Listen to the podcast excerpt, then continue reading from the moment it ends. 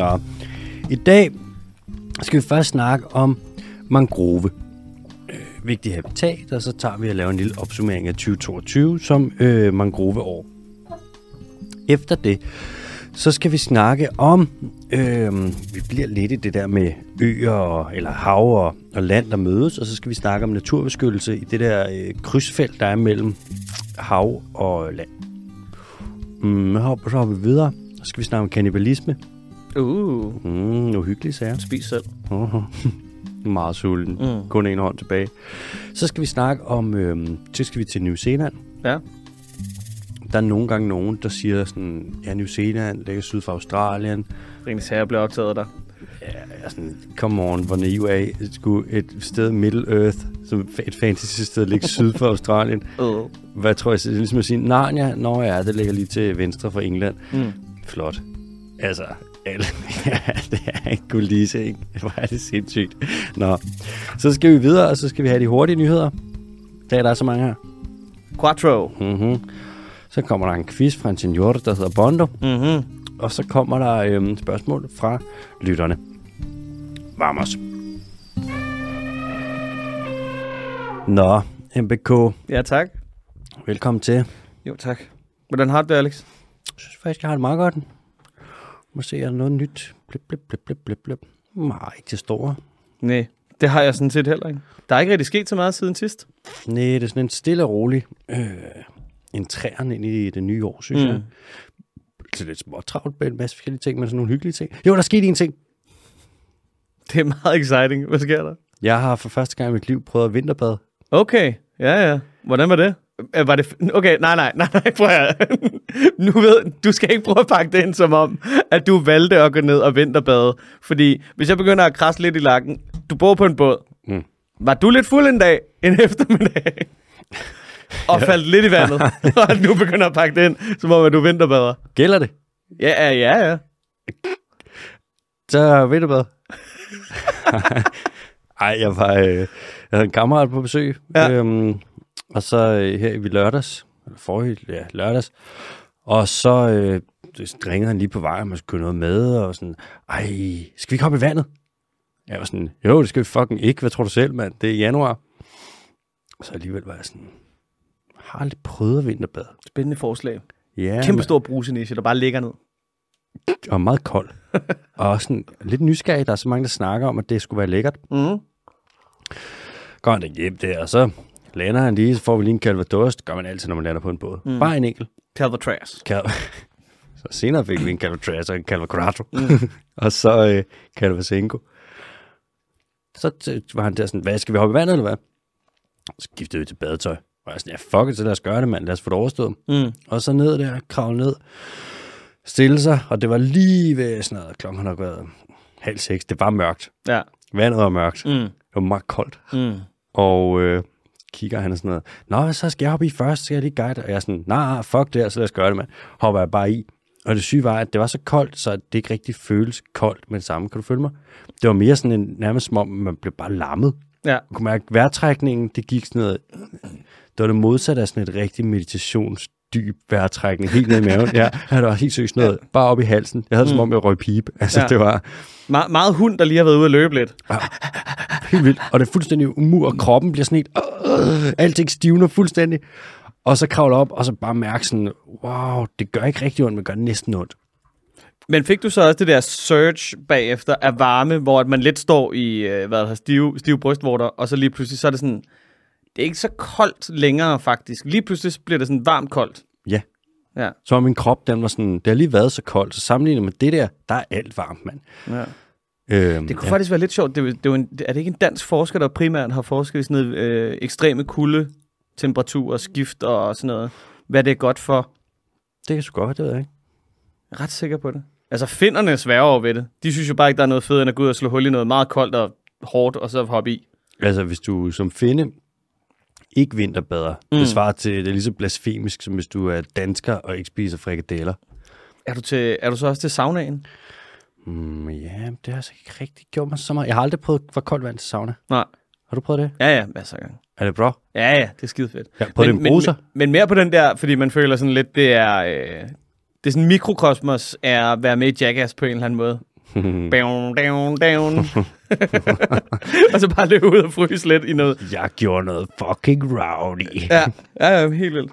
Nå, okay, Alexander, vinterbæder 2023. Kæft, der, der sker nye ting. Det kan være, at jeg også skal have fundet mig en ny hobby. Mm, det var vinterbad. Jeg begynder at ryge igen. Gør det. det ved jeg, gælder som, gælder som en hobby. Ja, det er pisse meget hobby. det er det jo, hvis det er cigarer.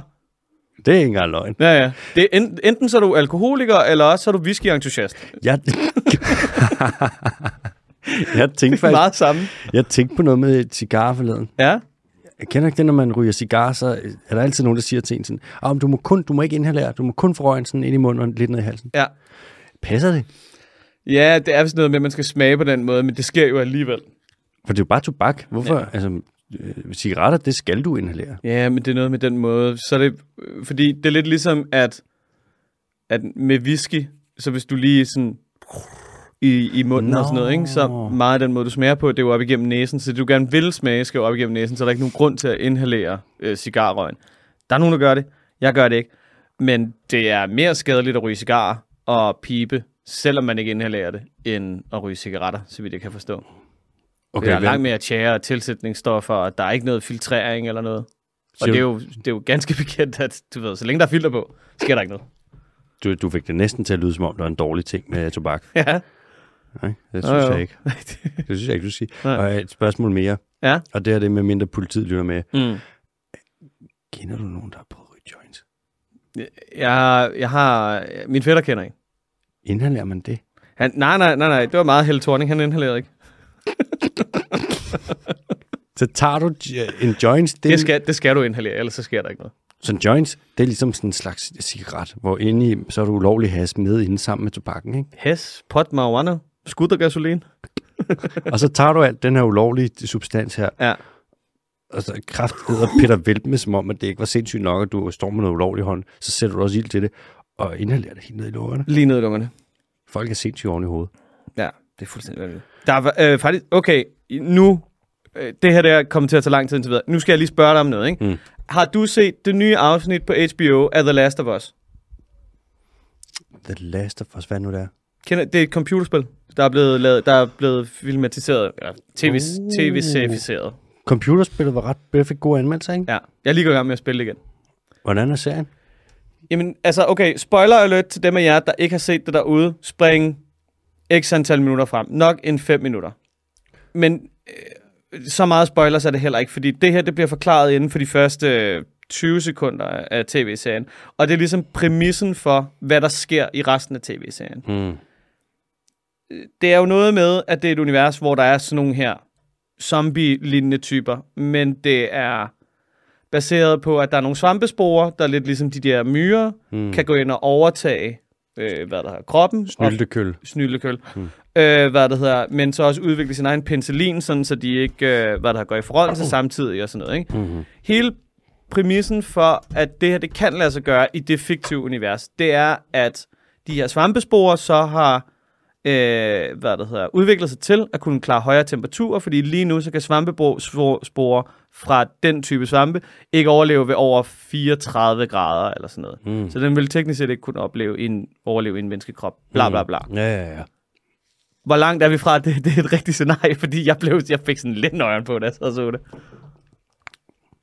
Altså, det, jeg tror, det er de færreste svampespor, som vil dø, hvis du bare... Jeg tror ikke, der er nogen nærmest, der dør, hvis du eksponerer dem på 34 grader hurtigt. Mm. Men det kan godt være, at nogle af dem, hvis det for eksempel er en eller anden slags svamp, som lever meget koldt, så kan det godt være, at sporene ikke vil synes, det er særlig fedt at være ved 34 grader i lang tid.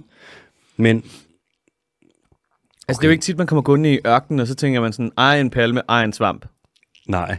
Men der er også mange svampe, som man ikke... Altså svampespor kan du ikke se. Og mange svampe er super små. Lige nu, der sidder vi jo inde under svampespor. Tænk på, hvis vi lagde et, et skive toastbrød på bordet, hvor kort tid der ville gå, før der var mug på. Der kommer altid mug i brød. Har du aldrig tænkt på det? Er det svampespore? det ja, mug, det er svamp. Uh. Det samme med skimmelsvamp, det samme med, ja, hvad som helst, ikke? Mm. Gær, det er også en slags svamp. Men... Hvad med den der ost, der altid smelter lidt, bare man skærer i den? Blåskimmelost. Blåskimmel, det er også en slags svamp. Ja. Og så typisk de svampe, du putter på, det er strainel, den, øh, det er også art. Og så er der nogle sorter, man har udviklet. De har typisk det latinske navn, som osten så hedder. For eksempel øh, den, du putter på camembert, når du laver det. Hmm. Så skal du så have en, en, et svamp, som hedder... Øh, jeg kan ikke huske, den hedder et eller andet camembert på latin. Mm. Og så er det det, hvad der kom først. Så er der sikkert med Roquefort, der er sikkert det samme. Men hvis man kigger på, hvor der er mest øh, liv på jorden, mm. rundt om ekvator, så er det tropiske bælte.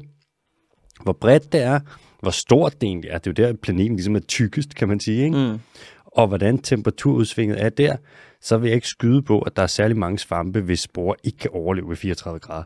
Det ville være sygt dumt. Mm. Det ville svare til, hvis vi levede i Danmark, og vores børn, ah, de kunne ikke holde til, at der var omkring 10 grader det meste af året. Det er ikke mening. Jeg tror, jamen, jeg tror, det er taget fra den der, øh, sådan lidt, øh, hvad kan man sige, sådan øh, urban legend om, at der var sådan en, en svampespor eller en parasit, kan jeg huske det, nede i Afrika, der kunne sådan zombificere de lokale, så i 24 timer gik de på sådan en, mm. sådan en rabies frenzy-agtig et eller andet, du ved, ikke? Jeg tror lidt, det, det er bygget på det, men hele ideen det er, at det, så, ja, den kommer ind, parasitiserer via en svampespor Mm. ind i kroppen. Umiddelbart er det selvfølgelig ikke umuligt, men det kan lidt... Når man snakker om zombier, hvis du går ind og søger mm. på sådan noget zombie can it be real, et eller Ja. andet, og du finder sådan noget øh, lidt sådan i gåsøjne videnskabelige øh, bud på, hvordan en menneske kunne være en zombie. Joe Rogan, Joe Rogan-videnskaben. Yes. Ja, Det er, det er spændt, hvor Lomborg vil være med. ja, Så vil der altid være et bud, hvor det er noget, eller det der med snyltekøller. ja.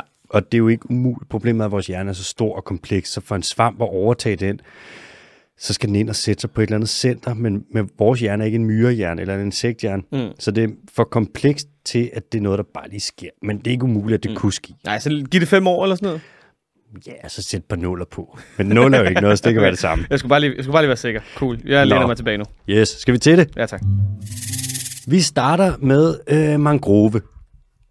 Mangrove, det er jo sådan en, en særlig naturtype, som det er egentlig en slags skov.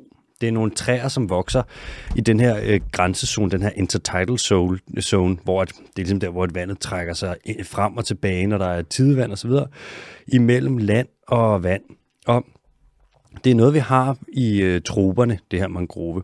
Og hvis vi sammenligner med øh, tempererede skove, som vi har på den nordlige halvkugle, og hvor meget regnskov vi har i troberne, så, har vi ikke, så findes der ikke særlig meget mangrove. Men selvom der ikke er så meget af det, så er det ekstremt vigtigt. Øh, mangrove beskytter mod øh, for eksempel tsunamier og stormflod, og alle de her ting, der kan komme forskellige steder. Øhm, og det kan man sige, mange, det så vi jo med tsunamien, var det i 2003, den var der? Øh, 2004, ikke? 2004. Ja.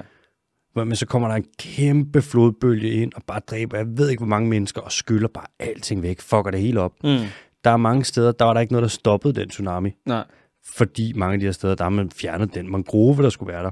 Hvis du har en mangrove skov, så mm. det er ikke nødvendigvis bare lige et par meter. Altså, nogle steder, der kan de være mange, mange hundrede meter eller kilometer, flere kilometer tykke. Og hvis du har en bølge, der skal igennem, lad os sige en kilometer skov, så er der altså ikke særlig meget bølge på den anden side. Så det kan ikke betale sig at bygge hoteller helt di- direkte ned til, til stranden altid. Jo, jo, det kan man godt. Det er altid fedt. Det kan du sagtens. Fjern al mangroven, så der er lækker hvid strand. Flot strand, fedt hotel, bounty. Det kan være- at man bare skal begynde at bore de der strandstole lidt bedre fast. Så kan det ikke som sådan en mangrove, mangrove-barriere. Det er the, the plastic way. Ja, lige præcis. Øh, mangrove, det er også et godt sted for fiskeyngel. Det er lidt den tropiske pendant til ålegræs. Ja. Fiskeyngel vil gerne have, altså bitte, bitte små fisk, der lige er kommet ud af ægget, de svømmer helst ikke ud på åbent hav. Fordi der er jo bare, altså der bliver de jo spist, og der er ikke så meget føde. og De kan fare vild, jo. De kan fare vild. Der er ikke noget at navigere efter, det hele er bare blåt. De vil gerne ind og være et sted, hvor de kan gemme sig lidt. Og der er mangrove øh, genialt. Så det gør også noget med, at det øh, tager og øh, modvirker forurening. Det kommer an på om lidt i øvrigt. Og så lærer det fuldstændig latterligt meget kulstof. Det er mig bekendt det habitat af alle habitater, alle biomer, naturtyper, vi overhovedet kender, der er det det, der lærer allermest kulstof. Okay. Det er fuldstændig absurde mængder. Kommer også ind på det om lidt. Fordi det er træer, og fordi at det hjælper med, Ja. med biome i vandet, og, eller, Jeg ved faktisk ikke præcis hvorfor. eller er det fordi, det holder på jorden, og jorden er god til at optage?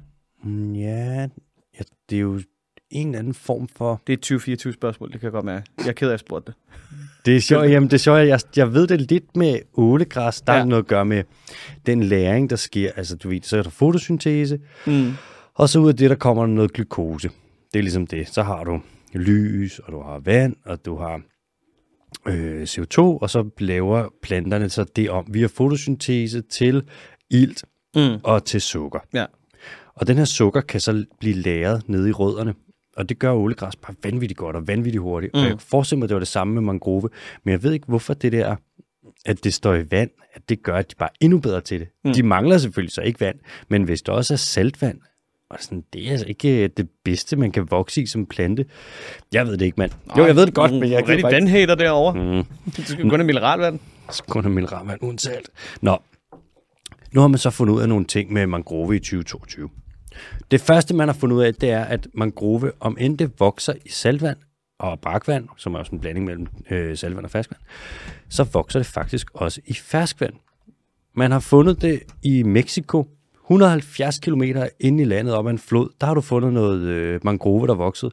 Og i Brasilien har man også fundet et sted, hvor saltkoncentrationen i vandet var utrolig lav. Så der er man sådan lidt, nå, der er jo lige snydt. Det her saltvandshabitat, hm, det var åbenbart også ferskvandshabitat. Mærkeligt. Ja. Jeg er blown away. Jeg kan godt se det. Det er jo det. Jeg ved præcis, hvad Hele verden vender på hovedet nu for mig. Oh my god, Jeg troede- mangrove i ferskvand? Jeg troede jo, at jeg vidste, hvad der var det optimale, hvad der er saltindhold for mangrover at vokse i. Men nu kan jeg da godt se, at det har ændret sig fuldstændig. Jeg er ked af at ryste dig i din grundvold på den måde. Jeg kan slet ikke have det. Synes du også, at mangrove det er et vildt godt ord? Mangrove. Mangroovy. Ja, hvis du laver en cocktail, der hedder mangrove. Mangrove. Uh, det, hvad skulle der være i den? Skulle være en lille smule salt. Ja, det skulle da. Ja. Måske sådan lidt øh, Jeg tænker noget rom. Altså mangrove, det har sådan lidt en, er sådan en rom øh, en Caribbean vibe. Ja. Kunne man tage som lidt, måske sådan en lille smule citrongræs? En lille smule citrongræs kunne være godt. Ja. Rom, citrongræs. Kan man tage en uh, cocktail, hvor du tager øh, la- nogle glas, lige stiller op, og så hælder du bare rom i, og så tager du noget, lægger noget citrongræs på bordet, og så tager du bare de der shots. Mm. Det, ja, det kan man sagtens. Det er det, det er. Det har jeg lavet meget gennem tiden. Det er sådan en der. Mangrove. Mangrove. Nå. Øhm, man har også fundet ud af, at øh, der er steder, hvor der er mangrove, hvor der vokser koraller på mangroven. Og det er jo fuldstændig, altså mangrove understøtter, der er vildt mange arter, høj biodiversitet i mangroveskov. Og hvis du kigger på øh, de steder, hvor der er koralrev, så har du det der i havet, hvor der er allerhøjst biodiversitet også. Og hvis du så kombinerer de to, så får du nogle habitater, der er, det er ret sjældne, de er ret sjældne, Mm. At der er fuldstændig, altså potentialet for biodiversitet, og sikkert den biodiversitet, der er der, er fuldstændig latterlig. Man kalder det øh, CMC-habitat. Det står for øh, um, Coral Reef, Coral and Mangrove Habitat. Jeg ved hvad det sidste sige står for, men det er noget med Coral Mangrove. Co- co- country... Coral Magic Controls. Det har man begyndt Culture. at undersøge. Cultures. Så har man været nede ved Adelaide, noget omkring Australien, som ligger tæt på øhm, Lord of the Rings. Og der har man set, at der er mangrove, som tæt på Adelaide, som er begyndt at øh, fixere tungmetaller, som er kommet ud fra noget industri. Hvor man, altså tungmetaller, det har du ikke lyst til at få ud i et økosystem. Det er er rimelig forurenet, det er rimelig giftigt. Men så de her, på en eller anden måde, så de her mangrove skove, der har været, de får bare fixeret det i øh, den jord, der er inde i skoven, og er upåvirket af det. Ved man hvorfor? Hvorfor de gør det? Eller hvordan? Jeg kunne ikke umiddelbart lige... Jeg, jeg forestiller mig, at det er noget med, at det kommer ind, og så tager de det og optager det igennem rødderne, og så mm. på den måde får de fixeret det. Øh, men hvorfor de gør det, det tror jeg bare er, fordi de er pisse søde, altså. Ja. Det er bare en tjeneste, Hey. altså. Hi, mate. You, hey, you not want this in your junior, right? Would you like this in your macro? Your handsome devil. He's, he's not even pink yet. Dave. Nå, Okay, det var også en inside joke. Ja, Beklager. Nej, ja, sorry. Nå, øh, mangrovefrø, de gør det noget lidt spøjst. Øh, de, de spiger stadig, mens de sidder på moderplanten. Så i stedet for, at den smider frøene, og så spiger de noget jord, så sidder de på moderplanten, indtil de spiger. Og så har du sådan en aflang, underlig øh, sag, der ligesom dropper ned i vandet. Og de her stiklinger, som er sådan nogle spirede frø. Nej, det med, at de falder af, så de så ikke forbundet til morplanten mere. På et tidspunkt falder de af, så ryger de bare ned i vandet. Mm. Den her slags stiklinger, der gør det med at spire på træet, at falde ned. Dem kalder man propaguler.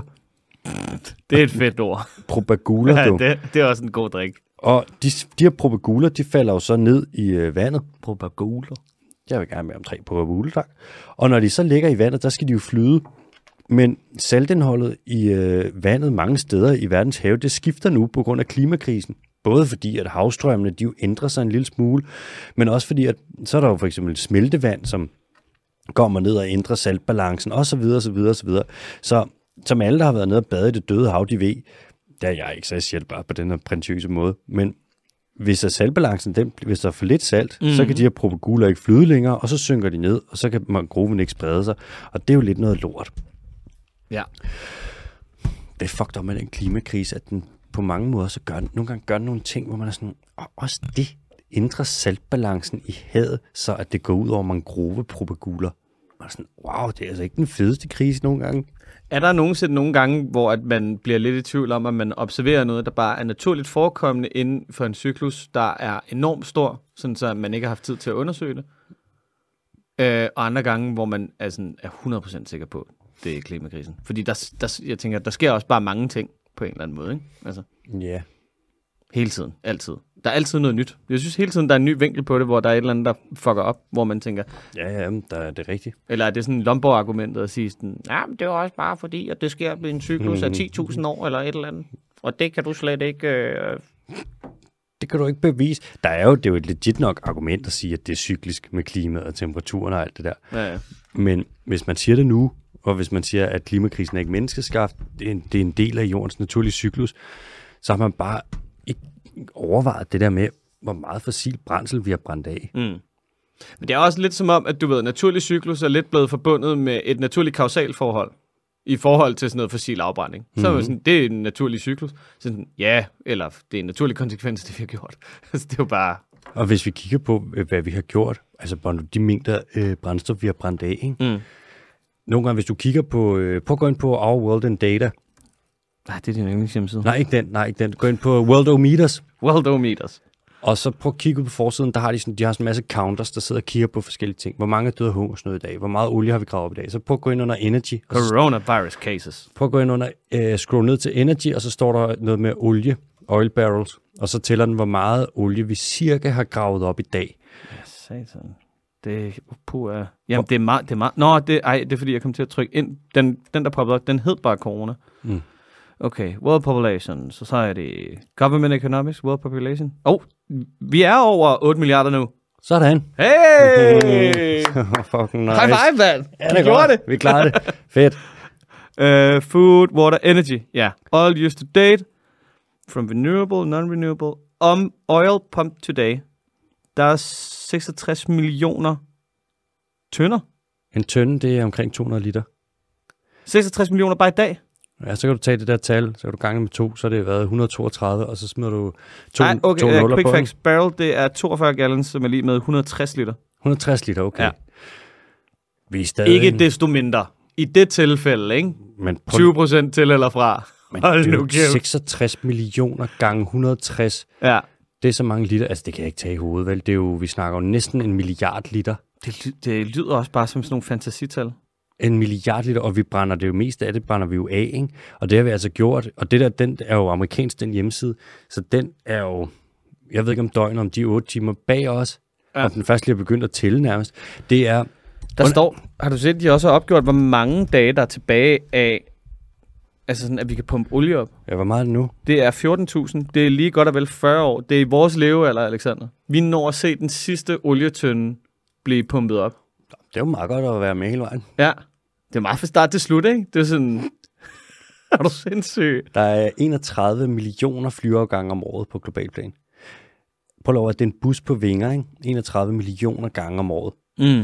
Hvis man gør det her i mange år, og nu det med olie, det er jo stukket af for lidt over 100 år siden, ikke? Mm. Det er de mængder olie, vi har brændt af, og hvis vi så også lægger kul oveni, det kul, vi har brændt af, og den biomasse, vi brænder af selvfølgelig, Mm. gas, altså naturgassen, der er den fossile gas, Biogassen. ikke biogassen, nej, det er en helt anden, det er faktisk det samme, men Ja, den ja. er, hvor- hvad det hedder, hvis vi tager alle de ting, hvis du brænder så meget af, det vi ser på, det er i virkeligheden, så er der et kæmpestort bål, Mm. og det bål, det har været der i lidt over 100 år, og vi står i et rum, der er ved at blive rigtig varmt, og så siger vi, Ja, det er jo nok på grund af noget andet end bålet. Mm. Nej, det er helt almindeligt, der bliver varmt. Det gør der. Sådan er det jo. Jeg har også jeg har drivhus, der bliver varmt. Men hvis man ignorerer bålet, det er sådan lidt, det kan du ikke rigtigt. Og oven i det, så hvis du kigger på øh, landbruget, ikke? hvor mange dyr der er, de udleder metangas, og hvis du tager metangas, som er mere potent end CO2, hvis du skal have sådan en kapselvirkning om jorden, hvor det holder på varme, hvis du så har en milliard køer, og over en milliard svin, og over 30 milliarder høns, der bare står, høns, de udleder sig ikke metan. Det gør svin heller ikke så meget, det gør deres lort. Anyways, men det er meget metan. Hvis det kommer ud, og du er sådan, ja, vi kan godt se, at det kommer ud, og vi ved godt, hvad det gør, men hvad nu hvis at det ikke gør det, eller hvad nu hvis vi ignorerer det, eller det er, det er meget snæversynet ikke at tro, at der har en konsekvens, når man gør det, vi har gjort. Ja. Ikke for det Lomborg, men Nej, det er løgn, det skulle være med at sige. jeg tror ikke, han har ret. Nej. Nå, hvis vi lige kigger videre her. Øhm, mangrove fra øh, 1996 til år to, øh, 2020, altså på 24 år, ja. der mistede verden et mangroveområde på omkring 5.500 kvadratkilometer. Det svarer cirka til det øh, område, apropos alting, ålegræs, som Danmark har mistet over altid. Men efter 2020, der er det som om trenden er vendt, så vi mister stadig mangrove, men vi mister markant mindre. Er der mindre at tage? Det er der. Det er selvfølgelig en faktor, der spiller ind. Men der er også det med, i landbruget at der er kommet, de er blevet bedre i landbruget på global plan også til at lave flere afgrøder på mindre areal. Mm. Så man har et mindre behov for at, at tage mere natur ud for at lave et eller andet. Så på den måde, så er der mindre rovdrift på øh, mangrovepladsen. Palmolie-argumentet. Øh, ja, på en måde, det kan man faktisk godt sige. Ja. Vi er bare blevet mere effektive, ikke? Ja. Og øh, så har man fundet ud af, så har man kigget på Brasilien, Mm. og der har de undersøgt det med, hvor meget er det, den her mangrove lærer, lærer. Den lærer 2,2 til 4,3 gange så meget mere kulstof i de øverste par meter af jorden, end noget andet habitat i Brasilien overhovedet. Og vi snakker altså verdens mest biodiverse land. Der er så mange forskellige habitater, det giver ikke nogen mening altså. Og mangrove er over dobbelt så god som den, der ligger under den til at lære kulstof. Jeg ved ikke, hvad det er med det mangrove, men det er bare fucking klimaeffektivt. Men vi er i gang med at fjerne det. Ja, det er hvad så, om vi kunne have fjernet mere, ikke? Det ligner også bare sådan en stor samling af bonsai-træer, der er lidt er blevet sluppet fri. Det ligner sådan en ordentlig omgang basketti. En basketti. Nå, øhm, blæb, blæb, blæb, blæb. Man har også fundet ud af, så har man været over i, øh, i Mexico igen, og så har man kigget på øh, noget mangrove, så har man boret lidt rundt, fedtet rundt i det kulstof, som der er lagret der, og så har man fundet ud af det, at noget af det her kulstof, som ligger nede i de her øh, mangrove øverste jordlag, det, det, det stammer fra helt tilbage i stenalderen. Så mangrove lærer bare kulstof i overdrevet lang tid. Det er sådan noget ultralæring, noget. Skulle det ikke gøre det, eller hvad? Jo, jo, men det er jo det med mange andre habitater, så er det bare cyklisk. Så bliver det læret lidt, og så sker der et eller andet, og så bliver det f- faret op igen. Hvis du kigger på altså regnskov, hvis et, hvis et træ vælter, eller der er brand eller et eller andet, og så vokser det tilbage, og så brænder det, og så vokser det tilbage, eller, eller hvad? Ja, det er mere sådan, i, hvis du kigger på tropisk regnskov for eksempel, ja. så de øverste jordlag, der er der fuld smæk på, bliver lavet sygt meget, men så snart du kommer ned under det, jeg ved ikke hvor meget, en meter ned eller noget, så bliver der ikke rigtig lavet mere. Fordi der er så meget, det pulser bare liv, alting bliver bare cyklisk rundt, ikke? Mm. Så der er det svært at finde rigtig gammel kulstof. Du Okay. finder ikke kulstof fra stenalderen, det finder du ikke i de øverste jordlag i en regnskov. Der er simpelthen for meget rift om ressourcerne. Er det, er det, har det ikke noget at gøre med, hvor langt rødderne ligesom borer sig ned? Jo, det vil selvfølgelig også spille ind. Jo, hvis man kigger på sådan noget røde, røde spidser og sådan noget i regnskoven, kan du sikkert finde noget. Den, det er rent nok. Men jeg tænkte bare, om det var, fordi det fungerede lidt ligesom sådan en omvendt sugerør på en eller anden måde. Sådan kapillæreffekt-agtigt. Ja, men altså, du ved, hvis, at, hvis, hvis rødderne kom langt nok ned, mm. så kunne det være, at de lige sådan lidt deodorantagtigt bare sådan tss, lige fik ind, og der CO2 dernede. Webs. Nå, hvad det er. Jeg kan godt se, når det kommer til det der læringsevnen, og hvorfor det er så effektivt med de skide mangrovetræer der. Der kommer jeg lidt til kort. Nå, øh, så kommer der en rigtig surprise-nyhed, man har fundet ud af, mm. som man har forsket sig frem til i, øhm, med mangrove der. Og det er noget, som bliver til fælles med ålgræs. Det går du lige skal holde fast i bordet. Mangrove og ålegræs er bedre til at lære kulst- kulstof, kulstof, hvis man ikke Okay. forstyrrer det område, det lever i, ved at tråle. Okay, sindssygt. Og det har man forsket sig frem til? så er det sådan, Hej, boss, jeg har et hypotyse. hvis du lader være med at pløje havbunden, ja. Er godt for havbunden. Nå, okay, sindssygt. Ja. Bare gå rundt og slår til træerne konstant med en machete, så er det bedre for, for, for dem, eller hvad? Det har man ikke forsket i. Nej, okay. Nej, det er rigtigt. Fucked up. Hak, hak. Nå, så har man også lavet noget andet forskning, der viser, at øh, hvis man gerne vil have sådan noget, det man kalder cost effective, altså noget, hvad siger man, det der, øh, hvad man får ud af det i forhold til, hvad det koster, er det bedst, den bedste mulighed, så er det sygt smart at have mangrove som beskyttelse mod øh, flodbølger og tsunami og stormflod. Og så til sidst, så er der en lille, en god nyhed.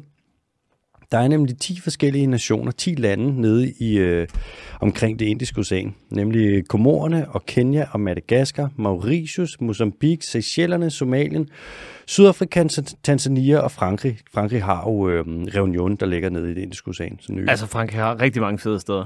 Frankrig har fransk Polynesien, er det Frankrig, der har det? Ja, det er det, fordi altså, de har jo OL lige om lidt, ikke? Og gæt, hvor der skal surfes. Er det fransk Polynesien? ja, det er de fede steder. Jeg synes, at Polynesien er sådan et rart ord. Ja. Mennesker bliver spist i Polynesien. Nå, anyways, de her 10 lande, de er gået sammen, og de vil lave The Great Blue Wall. Så de vil alle sammen gøre noget for at beskytte øh, en stor andel af deres mangrove, og det er jo fucking nice. Er det deres, ud, er det deres pendant til Lynetteholmen? Bare med natur i stedet for betonbygninger og slam. Ved du, du skal ikke snakke så dårligt om hvor Lynette. kæft. Jeg tror faktisk, at måske, ikke, så kunne det godt være sådan en lille smule deres drillende pendant til øhm, The Great, Great Wall.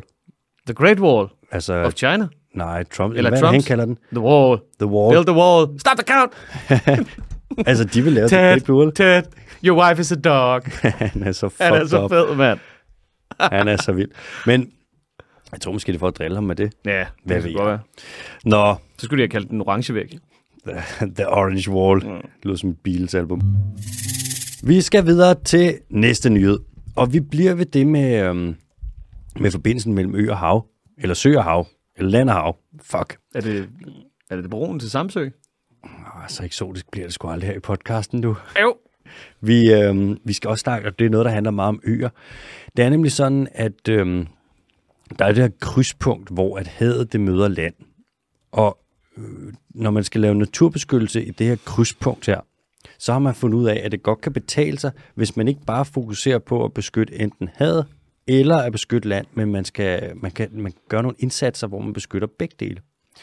Og en af de ting, som man har øh, eksperimenteret med, og som virker ret godt, det er, hvis man på land udrydder nogle invasive arter. Jeg skulle, skulle til at sige noget andet. Hvad tror jeg, jeg skal sige? Udrydde nogle landbrug, eller nogle idioter, eller... Hvis man udrydder nogle idioter, Ja. er det godt. Mm, så, er det, så er det bra. Hvis man tager nogle steder og udrydder for eksempel øh, rotter og mus, så kommer de her, det er så primært rotterne, der gør det, de kommer ikke og spiser så mange havfuglenes æg og unger. Mm. Så kommer der flere havfugle. Og når man siger havfugle, så altså, mange kommer til at tænke på måger. Ja. Og måger er jo også på en måde havfugle, men måger i Danmark i hvert fald. Har vi snakket om det her før? Hvad er definitionen på en havfugl? Altså, fordi for mig er det jo kystfugle. Mm, ja, hvordan fanden er det nu? Jeg mener vist nok, at der er nogle forskellige familier, eller er det to ordner af fugle, der hører inde under det her? Åh, jeg kan ikke huske det, men det er i hvert fald nogle fugle, der har en tilknytning til havet, Ja. og som ligesom er lidt afhængige af det med fødeafsøgning og sådan noget. Mm. Hvor måger, de er enormt gode til at leve af skrald og Ja. i urbane miljøer, så i Danmark, der er mågerne, de har det egentlig ret fedt. De fleste af dem i hvert fald. Jeg elsker cola kan jeg huske. Ah, det er det bedste, de Det er der, når man skærer deres mave op. Mm. Ja. Og det er meget nærende. Mm. Ikke lige så, Pepsi er ikke lige så nærende. Nej. Og så skider de også lige noget mikroplast ud, og så ja, mm. circle of life. Alle vinder. Nå, men havfugl, hvis man går efter mus og rotter, for at udrydde dem, så havfuglene, dem kommer der flere af. Så flyver havfuglene ud til søs, og så øh, spiser de selvfølgelig lidt der, så kommer de tilbage til land, og så skider de. Det er jo så at, at sprede noget næring, ikke? Så blomstrer det lidt op på land, hvor der kommer mere næring. Og så er der nogle, selvfølgelig nogle planter, der godt kan lide det her, og så vil du ligesom se en opblomstring af liv på land. Og så kommer der nogle dyr, for eksempel krabber, så bliver de mere mangfoldige, og så kan de ligesom pølse ud i havet, og så kan de gøre deres ting der. Og så påvirker de ligesom økosystemet til havs, så kommer der flere fisk, så er der mere mad til havfuglene, og så videre. Så det er ligesom sådan en feedback loop med gode ting, når der kommer flere havfugle.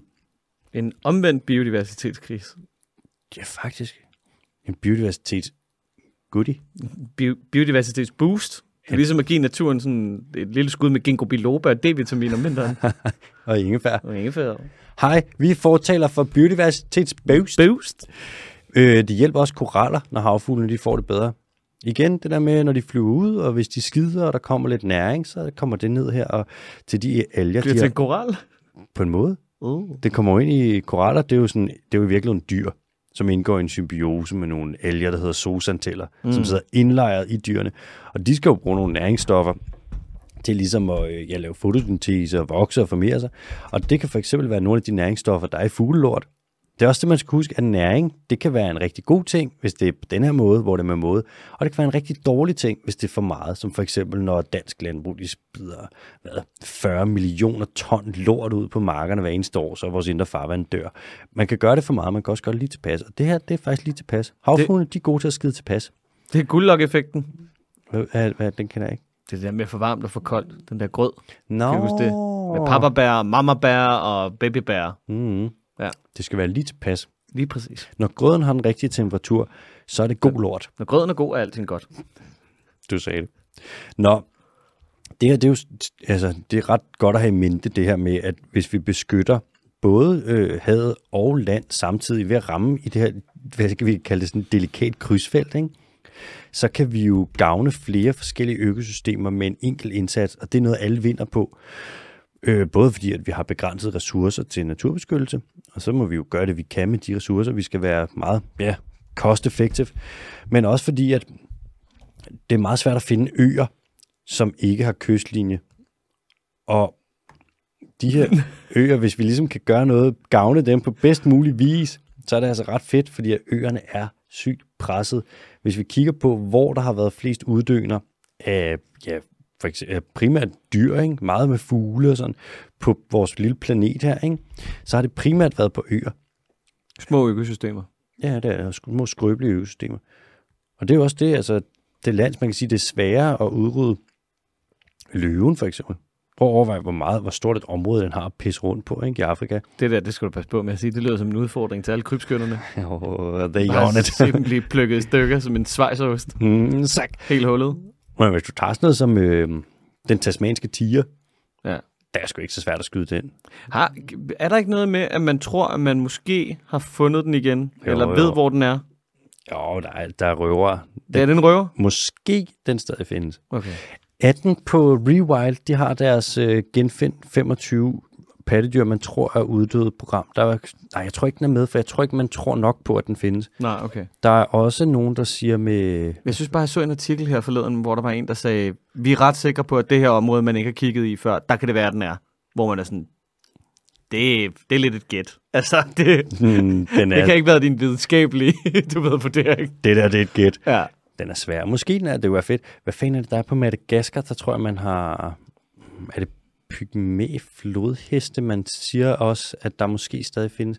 Der er nogle forskellige dyr. Det er sådan lidt... Øh, den uskyldige snemand-agtig bliver det nogle gange. Mm. Men der er nogle dyr, som man tror stadig findes. Og så en sjældent gang imellem, så finder man jo dyr, som man troede var uddøde, men aldrig nogle af de kæmpe store.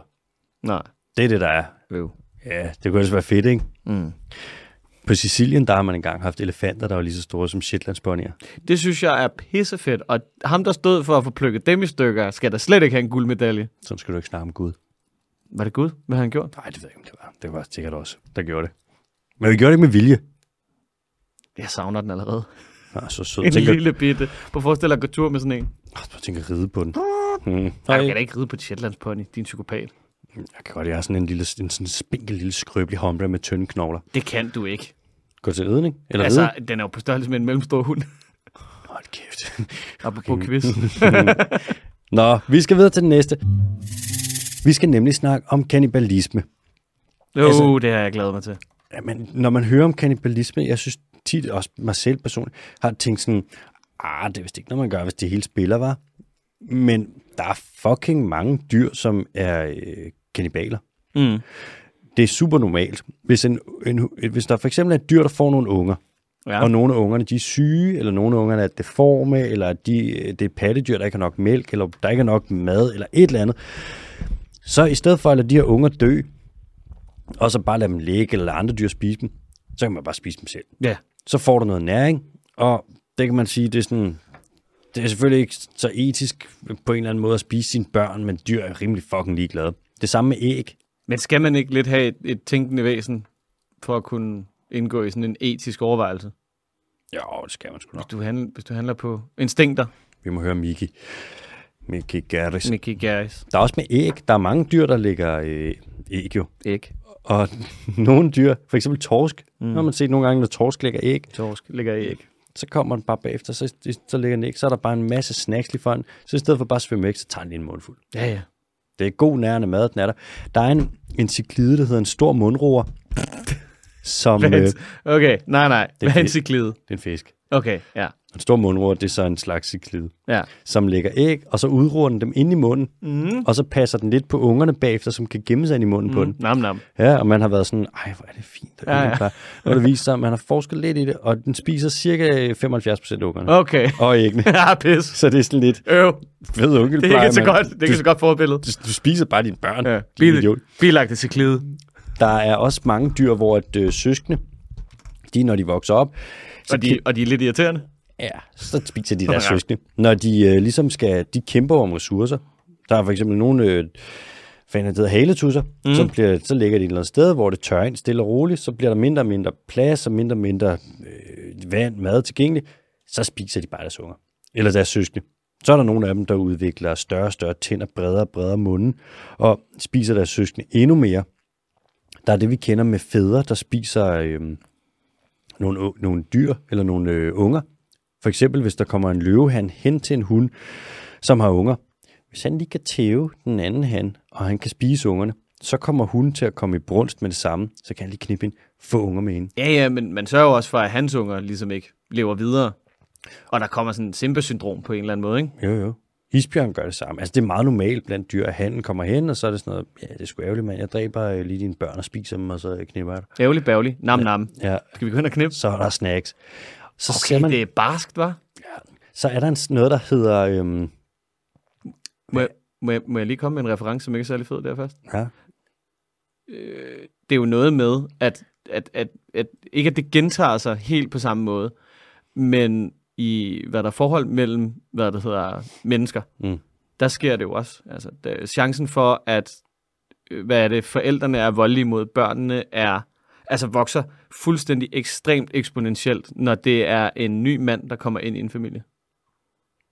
okay, ja. Det er fordi, det ikke er hans børn. Ja, så behandler han dem bare automatisk dårligere. Det er rimelig lort. Og den onde stemmor, altså. Øv.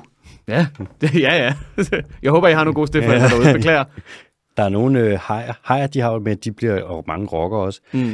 de bliver jo, øh, når de lægger æg, så udruer de dem i deres æggeleder, mm. og så føder de jo levende unger.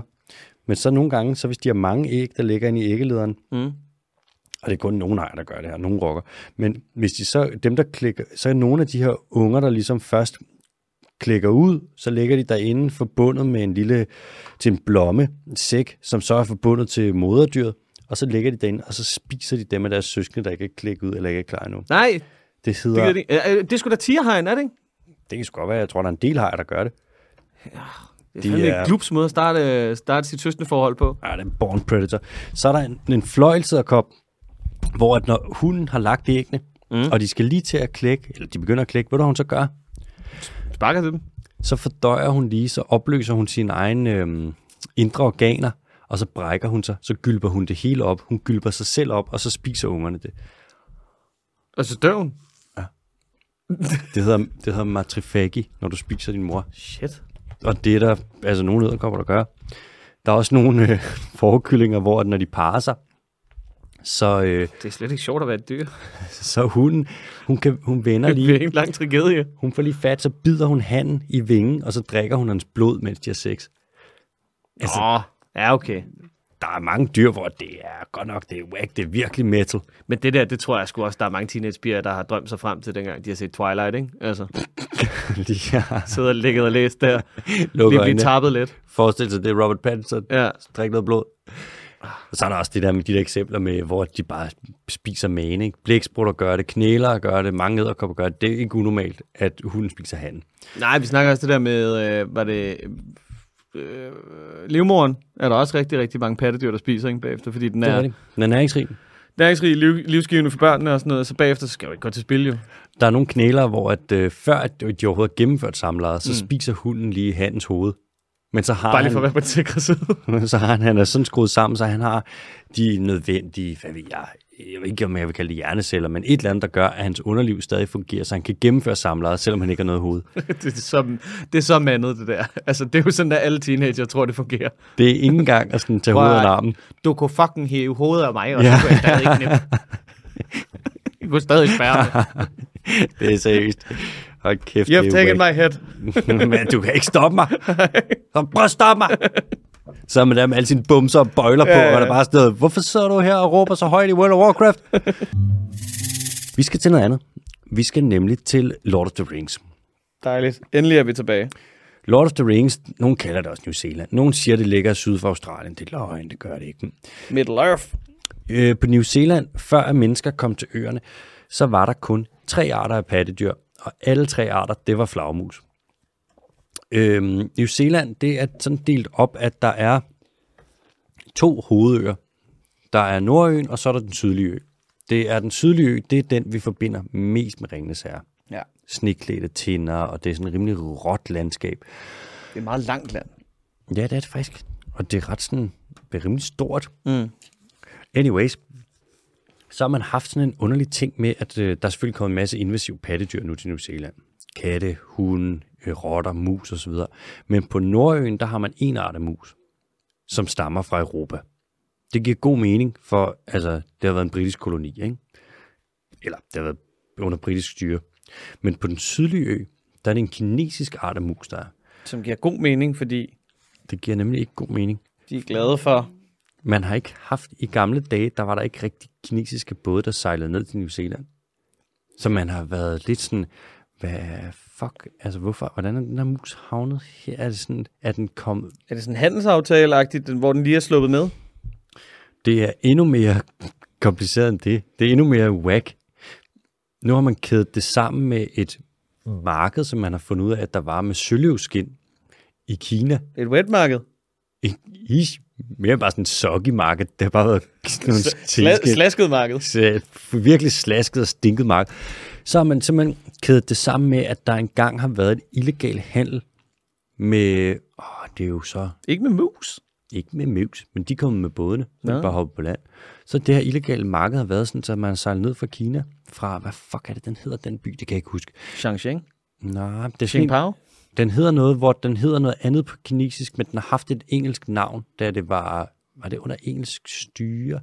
Sådan navn, hvor man sådan, nå, og så er det nye navn, der er man sådan, mm, hvordan er med det? Jeg kan ikke huske det. Men i hvert fald har man sejlet ned derfra, skudt en masse søløver, taget skinnene med tilbage, og så når man har været dernede, så har man ligesom kommet til at aflevere de her mus af. Og det har man simpelthen kodet sammen nu, og fået lagt der, eller øh, simpelthen løst det her mysterie med de her underlige mus, der er, hvor de ikke burde være. Nå, okay. En kinamus. Mm, og der var vist en rigtig... Det er jeg jo blevet kaldt for.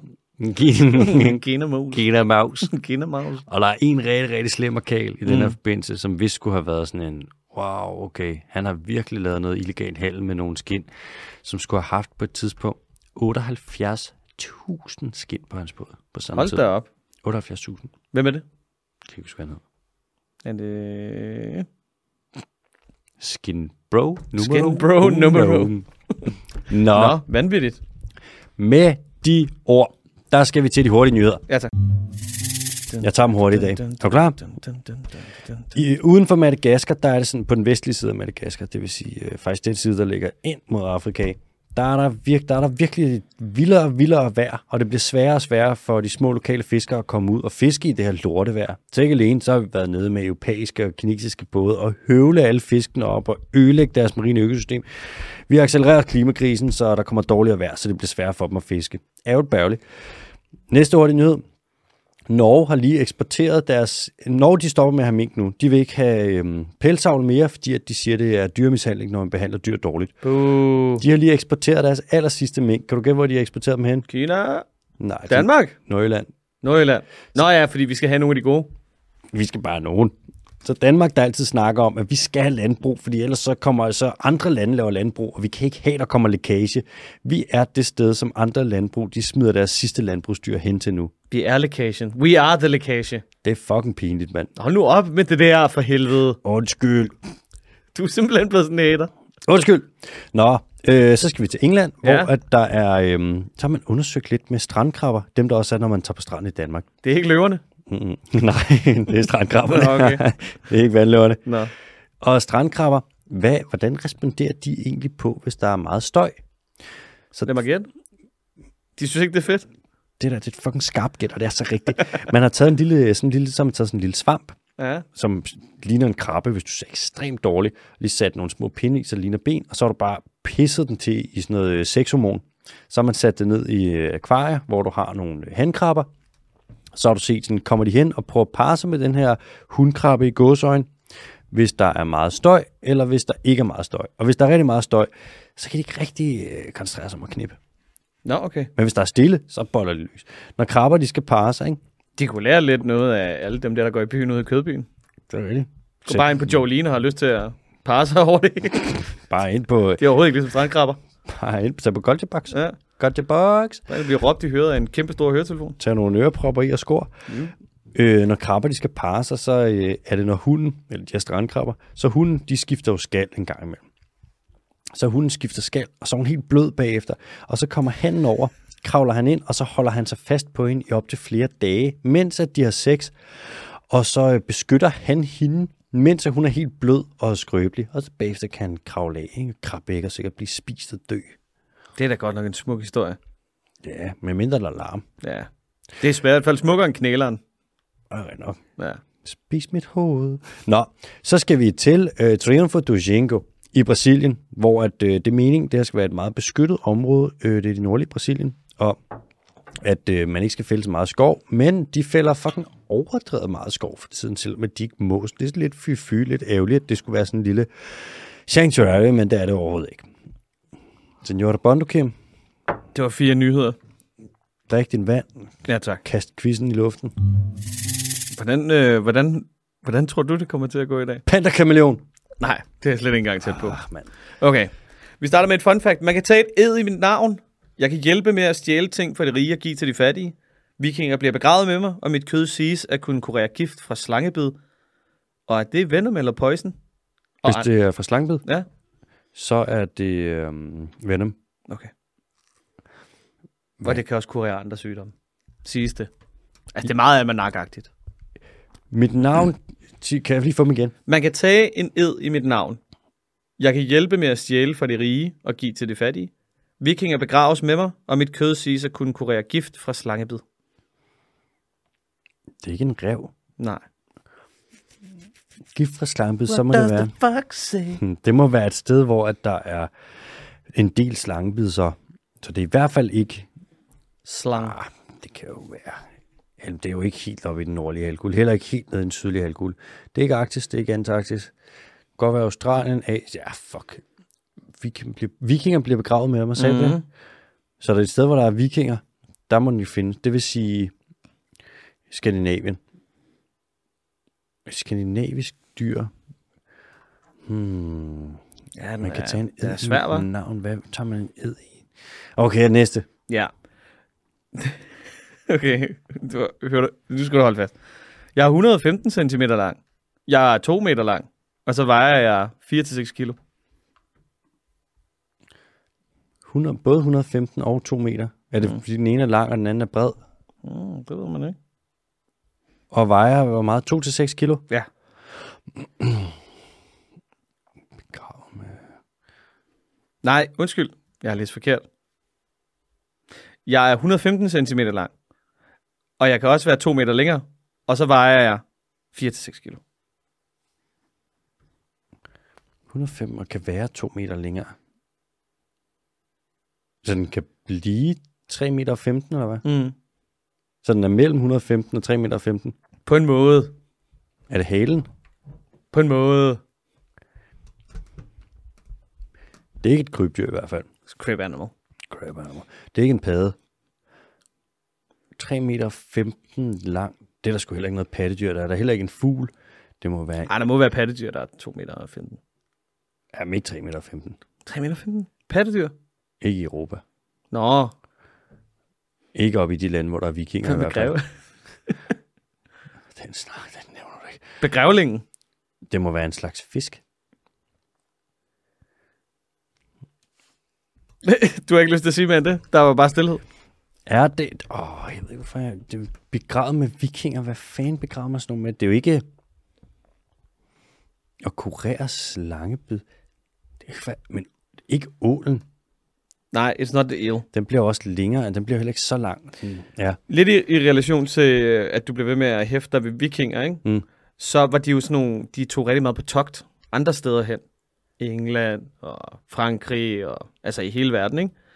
Så lidt i forbindelse med det, så kan jeg fortælle dig, at øh, ugens dyr også er blevet indført mange steder i Danmark. Og i 1982, der fik øh, hvad der hedder, et par deres første kuld på Sejrø.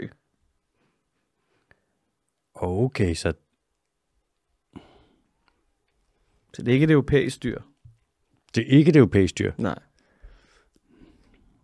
Et, Euro, Europe animal. et par fik deres første kuld på Sejrø. Mm. Mellem 2 og 6 kilo. Ja. Og op til 3 meter 15 lang. Ja. Det er ekstremt langt og tyndt dyr.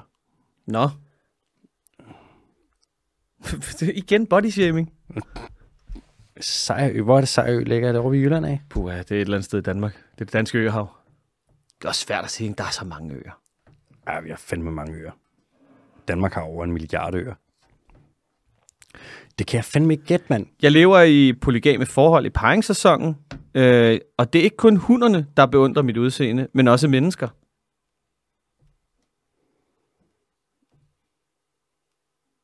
Ja. Hold nu kæft. Åh, oh, der bliver tænkt så hårdt. Mennesker beundrer mit udseende og polygame forhold. Ja. Hvordan Det er ikke nu? noget, der er, sådan er super specifikt for dem. Men altså, hvis du tænker indført, Danmark, andet land, smuk. Det er ikke for sen. Den har vi allerede haft også. It's a pheasant. It's not a pheasant. Påfugl? Nej, det, skal ikke, det bliver heller ikke så langt. Så det er en invasiv art, eller indført, eller har vi dem kun i fangenskab, eller er den også vildt invasiv? I, det ved jeg ikke, men jeg kunne godt forestille mig, at den kunne leve vildt i Danmark. Okay, så primært det er fangenskab. Ja. Men faktisk sjovt nok, så har der været en retssag om, at når man holdt dem i fangenskab, om de var domesticeret eller ej tilbage i England i 19, nej, 1562 eller sådan noget. Hvad fuck Om man det være? betragtede det som en domesticeret art. Ej, jeg synes, den der med længden og vægten i kombination, det er jo ikke en slange på den Jeg måde. er afbildet i indisk kultur og spiller en stor rolle i hinduismen. Nu skal Bhagavad Gitaen altså komme op i din baglomme, og så skal du gætte på det rigtige dyr. Det er ikke sådan en... Øh, man kan, det er jo heller ikke en abe, ikke med lidt længde. Nej, det er det ikke. Og det er ikke en ko, Nej. fordi den vejer jo mere. It's not a cow. Og i Bhagavad Gitaen, der er de pri... Bup, bup, bup, bup. Ej, den er svær. Jeg ved ikke, hvorfor jeg simpelthen har svært ved at gætte den. Jeg ved, om har den der længde i baghovedet og begravet med vikinger, men invasiv, og så må det være noget, vi har fundet om... Ja, jeg kan sgu ikke... Nej, den er svær. Jeg går frit rundt i Tivoli, og jeg er beundret for min flamboyante fjerpragt. Så det er påfugl. Det er påfuglen. Det var satans. De kan blive enormt lange. Altså deres, øh, deres baghaleparti, eller hvad fanden man kalder det. A fully grown train. Uh, can reach a length, length of uh, one, uh, 195 to 225 centimeters. 225. Ja. Det er den næst tungeste fugl, efter den vilde... øh, Kalkun? Ja, I hvad? det er i Europa, tror jeg. Er det ikke det? Ej, Stod der ikke det er det sgu. Nej, hvad fanden var det, der stod? So far as is known, only the wild turkey grows notably heavier. Tungste? I Europa? Ja, altså fasaner. Nå, er fasanfugl? Ja. Nå, det var satans, der var med dem svær, mand. Har du set, at, de, uh, at man, man breeder dem til at være helt hvide, kridhvide? Ej, det er vanvittigt, hvad man ikke gør efterhånden. Det ser fuldstændig vanvittigt ud, gør det? Meget smuk. Meget smukt. Det ligner noget fra Narnia. Det ligner et omvandrende snifnuk på en eller anden måde. Begravede man vikinger med dem? Ja, åbenbart. Men det er jo fordi, at det er jo sådan noget, der er kommet sindssygt langt væk fra, som man har hentet, eller man har traded sig til, eller et eller andet, så det har garanteret været sådan en kæmpe ære. Hvornår er det har været? Det har været Hvad? Prestige. Prestige. En pastis. Han var en prestige. Ja. Nej, det kan godt være, at den var, ja, den var måske ret svær. Jeg troet egentlig, du ville have den der ved, ved længden. Jeg var meget, meget påpasselig med at tage det med. Ja, men jeg tror, jeg misforstod det, som om den var 3 meter, kunne være 3 meter 15. Jamen, det, kan, det kunne den jo også. Nå, det er en ordentlig lang en, hva'? Altså, selve kroppen er omkring sådan noget 115 cm, og så Ja. kan den ligesom have de der, det der kæmpe store haleparti, den indiske påfugl, som kan blive op til sådan noget 2,25 meter. Shit. Ja, så de ser jo kæmpe, de må, altså, kæmpe store ud, de største af dem. Gigantisk. De er jo større, altså, de er meget større end de fl- fleste høje mennesker. Hvordan tager man ed i dens navn? Det ved jeg ikke. Øhm, men det var sådan noget med en ridder ed tilbage i England. Så man tage the, the Oath of the Peacock, eller sådan noget Peacock Oath. Hold kæft. Hvor er det kikset. Nå, den var svær. Så fik jeg 0 point. ja, Det var for en gang skyld. Men det er gået godt de andre uger, så ja. Og det, det var også en svær en, så der er nok ikke særlig mange andre, der har gættet det efter de... Jo, det er der nok. Det er der ikke. Okay, vi Der er, er glade, vi er glade ved at modtage jeres brev i næste uge. Ja, vi glæder os rigtig meget. Oh, vi glæder os. Så skal vi til spørgsmål fra lytterne. Ja, tak. Det første, det er en kommentar fra uh, Jobtrops, Åh, oh, oh. som skriver, Kære DDT, jeg har hørt jer opfordre til at blive skilt fra den kone, man elsker, fordi det er lovligt. Det var sidste afsnit for Ja. Så var der det med, at altså, hvis noget er lovligt, så er det jo godt. Mm. Ligesom minkavl. Ja, ja. Selvfølgelig er det godt, det er jo lovligt. Mm. Og mere overvågning giver mere frihed, og alle de der gode gamle sayings. Det er lovligt. Ja. skriver Jobtrops. Det er saftsus med en deal. Det er no-brainer. Søger skilsmisse med det samme. Elsker dig skat. Knus jobs. Sådan. Klasse. Fint. kommer Det er også til. meget bedre. Jeg kommer til at savne Camilla, men altså, det er jo lovligt. Ja, ja. Det er lovligt. Og stakkels lille datter der, ikke? Altså. Det er jo det er lovligt. Ja, ja. Det er godt. Ja, selvfølgelig er det Så godt. må man jo godt. Så, burde man jo, så har man jo faktisk nærmest ansvar til det. Og til at blive opfordret til det. Der burde være et økonomisk incitament for at blive skilt fra sin kone. Fordi ellers så, ellers så vil man det jo ikke rigtigt. Vi skal have et tilskud. Ja. Et skilsmissetilskud. 150.000. Åh. oh. For helvede. Nå, ja. Alright. Nå, vi skal videre til den næste. Det er fra Mads, som skriver, Hey yo, gutter. Hej Mads. Hej Mads. Sad og hørte Guld og Grønne Skov på P1, og en eller anden pensionsmafia-boss snakkede om naturpositivt byggeri i godsøjen. Altså byggeri, hvor der er mere biodiversitet, end før man byggede. Er det en ting? Synes det lugter af greenwashing nemlig. Hvis I er interesseret, hedder episoden Mylder af liv, og, den er i præsident, og i den er præsidenten for WWF cool, og forpersonen for Dansk Industri har ikke forstået, at biodiversitet og klima ikke er det samme. Nå, ej øv. Og det er jo det er Mads Hagen, der skriver ind. Ja. De kommer med en opfordring til, hvis man ikke allerede følger ham, eller har tjekket hans billeder ud, så fucking fyr den af. Du kan bare søge på Mads Hagen, wherever. Ja. Det skal nok dukke op. M-A-D-S-H-A-G-E-N. Ja, han tager kraft med gode billeder. Ja, jeg købte hans bog. Nej, det er rigtigt. Ja, ja, min morfar han blev rigtig, rigtig glad for den. Han var sådan, nej, sådan så det ud på Falster. Der var jeg for et halvt år siden. Så sådan, kig nu på bogen for helvede. Din store idiot. Kig nu på bogen. ja, ja. Han, sådan, han klappede den rigtig sammen igen og var sådan, ja, ja, faktisk, det var sjovt, fordi det ene eller andet. Kig nu på den fucking gave, jeg købte. Nå, i bogen. Nå, Nå. Øh, Mads, lige for at svare på spørgsmålet. Altså ham her fra den her pensionskasse, som snakker om naturpositivt byggeri. Altså selvfølgelig er der mere biodiversitet, Altid. Efter man har bygget end før. Har du hørt om Amagerfællet? Mm. Man vil jo ikke bygge, hvis der for eksempel var store vandselementer. Altså, det vil du ikke gøre. Så vil du bygge, så der kan komme store vandselementer. Har du aldrig, altså har du nogensinde hørt nogen snakke om fuglesang i byerne, hvis der ikke er en by? Så er det bare fuglesang i by, i hvad? Altså, de skal have et sted at være. Selvfølgelig skal der være nogle byer. Hvor mange duer er der? Altså, hvor mange tamduer er der, hvis du tager ud i en øh, fin, super fin skov? En takskov. Øh, ikke lige så mange som inde i byen. Mm. Hvor ser du kraverne, der sidder og piller i skraldespanden, hvis du ikke har sat skraldespanden op? Øh, nok ikke ude i noget, på noget fin øh, lynghed, vel? Nej. Så altså selvfølgelig kommer der mere biodiversitet, når Der vi ødelægger ikke- naturområder og bygger. Der kan ikke være nogen husdyrmøder, medmindre der er huse. Se nu der. Og vi har et, urbant habitat. Ja. Øh, skulle habitater nu være en dårlig ting? Selvfølgelig kommer der mere biodiversitet. Jeg snakkede om naturpositivt byggeri. Altså, det er også bare en fucking altså, svømmepøl af idioter af marketingsfolk, der har siddet og fundet på den der naturpositivt byggeri. Det vil, det vil jeg jo aldrig have sagt selv. Det ligger så mærkeligt og så unaturligt i ens mund, at man er sådan, det er jo ikke noget, der sådan naturligt falder ud. Hvad laver du? Jamen, jeg laver naturpositivt øh, vedløb med heste. Altså, Det griner også, at man vil aldrig sige det modsatte. Du Nej. vil aldrig sige, nej, men jeg laver øh, naturnegativt byggeri. det er ligesom, når du læser på en vin, at den er behagelig i smagen. ja, Nå, i modsætning til alt det ubehagelige vin, ja. som I også laver, eller hvad? god gamle. Jeg vil sige, Mads, altså, jeg har ikke hørt, jeg har ikke lige hørt den her episode her, men jeg vil sige, måske er det greenwashing. Ah, måske lidt. Det kan godt være, at de skal med i øh, de Greenwashing med Awards. Greenwashing Awards, at de lige er blevet nomineret. Og vi har jo øvrigt fået en nominering mere. Ja. lige lynhurtigt blevet til at kaste ind. Okay. Altså, Danish Crown er blevet nomineret mange gange nu. Ja, ja. Danish Crown er lige turneret Det er jo faktisk med. dem, der sponsorerer. Oh, altså, det er helt store show. de er lige budt ind med lavet et stort show og været i TV2 og sådan noget med, at de har, der er noget ny teknologi, og de kan sænke deres udledninger. Det var sgu da heldigt. Og ved du, hvad de gør? Nej. De sætter ild til metangas fra gyldetanke. Okay. De brænder gas. Ja. Den nye teknologi, det er, det er ikke en joke. Og brænde gas. Den nye teknologi, det er ild. Okay. Det, er, det hedder flaring, altså du gør det på alle øh, borestationer i hele verden. Du, du sætter bare ild til det gas, der kommer. Okay.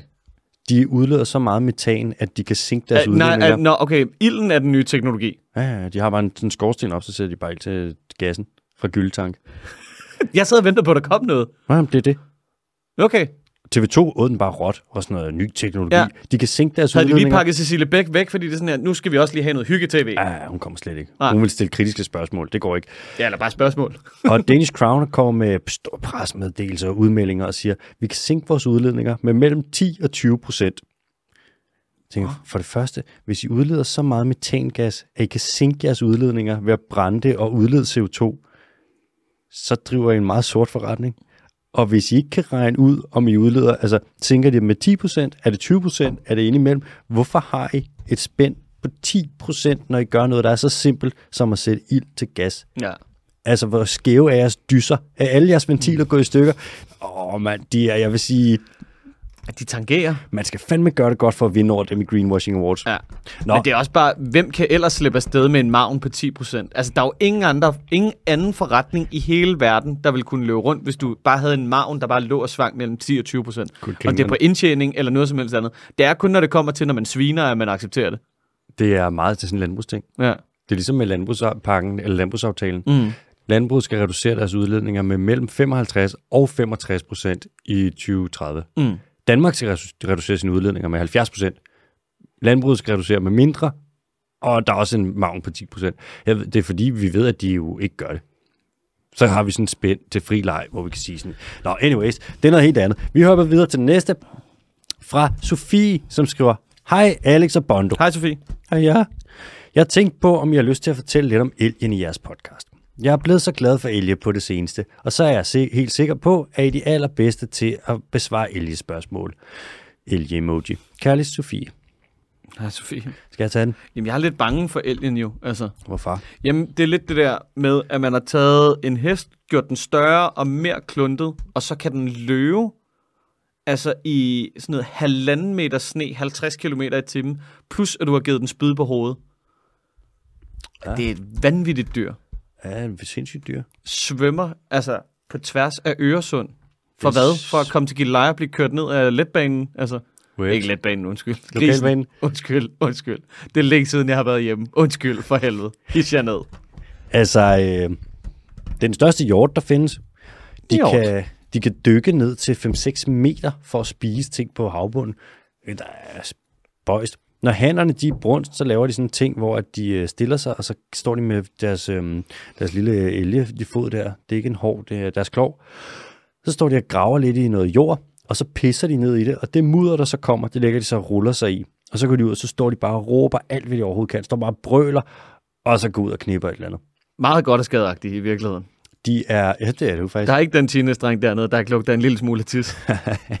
De, Og øhm, der ikke går rundt og råber et eller andet med Aperol.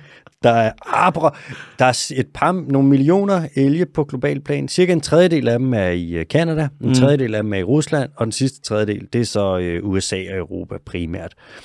Og øh, man ser faktisk elge i nogle områder, hvis der er mange bjørne i et område, det vil så primært være Alaska og Nordamerika, så øh, går de faktisk tættere på menneskelig bebyggelse, fordi der er ikke så mange bjørne. Fordi vi skyder dem. Det er der nogen, der vil sige, at det er det, de dør af. Der er andre, Mm. der vil sige, at de falder om og har fået huller i kroppen. Kommer til at løbe ind i en patron rigtig hurtigt. det kan da godt være, det er bare det er kryptisk forsvindingsret, lad os kalde det det. Er det den samme el, der er i på alle tre kontinenter, må det være? Ja, det er den samme art, men det er nok forskellige underarter, tror jeg faktisk. Det skulle ikke ja. komme bag på mig. Altså, det er jo det der med, at kronhjorten Mm, har man også i USA, men det er en elk. Ja. Med K. præcis. Men det er også en kronhjort, men det er, den er meget større, end den vi har her. Det er det der med, og så når man skal blande engelske navne og danske navne sammen. Mm. Og det er ikke en el, det er en elk. Ja, og når det så kommer med, Så er det en mus. når du En så underarter ind over, du, ja, det bliver hurtigt noget fucking En Kina mus. en Kina Moogs. Ej, Nå. de der pisse søde. Jeg, har vi, havde vi den som... Ja, vi havde den som... Øh, som, øh, hvad det hedder... Øh, quizdyr på et tidspunkt, havde vi ikke? Det kan sgu godt være. Det kan jeg, Skal jeg lige prøve at søge ind i mit dokumentos? Vi har også elge i Danmark, øh, i, øh, oppe i Lille Vildemos. Ja. Oppe i, øh, det, det er så oppe i Nordjylland der. Der har vi et naturområde, det største private naturområde i Danmark på, jeg tror det er på lige knap 80 kvadratkilometer. Der har vi elge, sammen med vildsvin og alting. De har svært ved at græsse på jorden, fordi de er så høje, så de går meget og spiser lidt af træerne. Og det er også sådan en særlig øh, modifikation af økosystemet på den måde. Vi har haft den som, øh, som øh, ugenstyr. Gættede jeg den? Ja, du gættede den i første, tror jeg. Fordi i 1999 krydsede jeg Øresund, hvorefter jeg tabte en duel til døden med et tog. Fakt nummer to. Jeg vejer typisk mellem 5 og 700 kilo. Jeg er en rigtig vandhund, der kan dykke ned til 5-6 meter. Igen, når jeg gerne vil tiltrække en mage, så graver jeg et hul og pisser ned i det, hvorefter jeg vælter mig rundt i det i mudder pestbjasket. Mm-hmm. Min kønsnavn er kortyr. Mine primære trusler er jagt, fødevangel, fødevaremangel, bjørne og voldvoer. Jeg er stærkt forbundet med Canada, og er nok, har nok dyreriget største gevir. Har du set de der, øh, de der kæmpe, kæmpe gevier? For, øh, sådan old-el. Gigantisk. Gigantisk, sådan noget 4-6 meter på tværs eller et eller andet. Det ser fuldstændig vanvittigt ud. 600 meter. 600 meter. 60 meter. Get your facts straight. 6 kilometer. 6 kilometer brede gevir. Og det var alt herfra. Jeg har ikke mere på nu. Har du mere?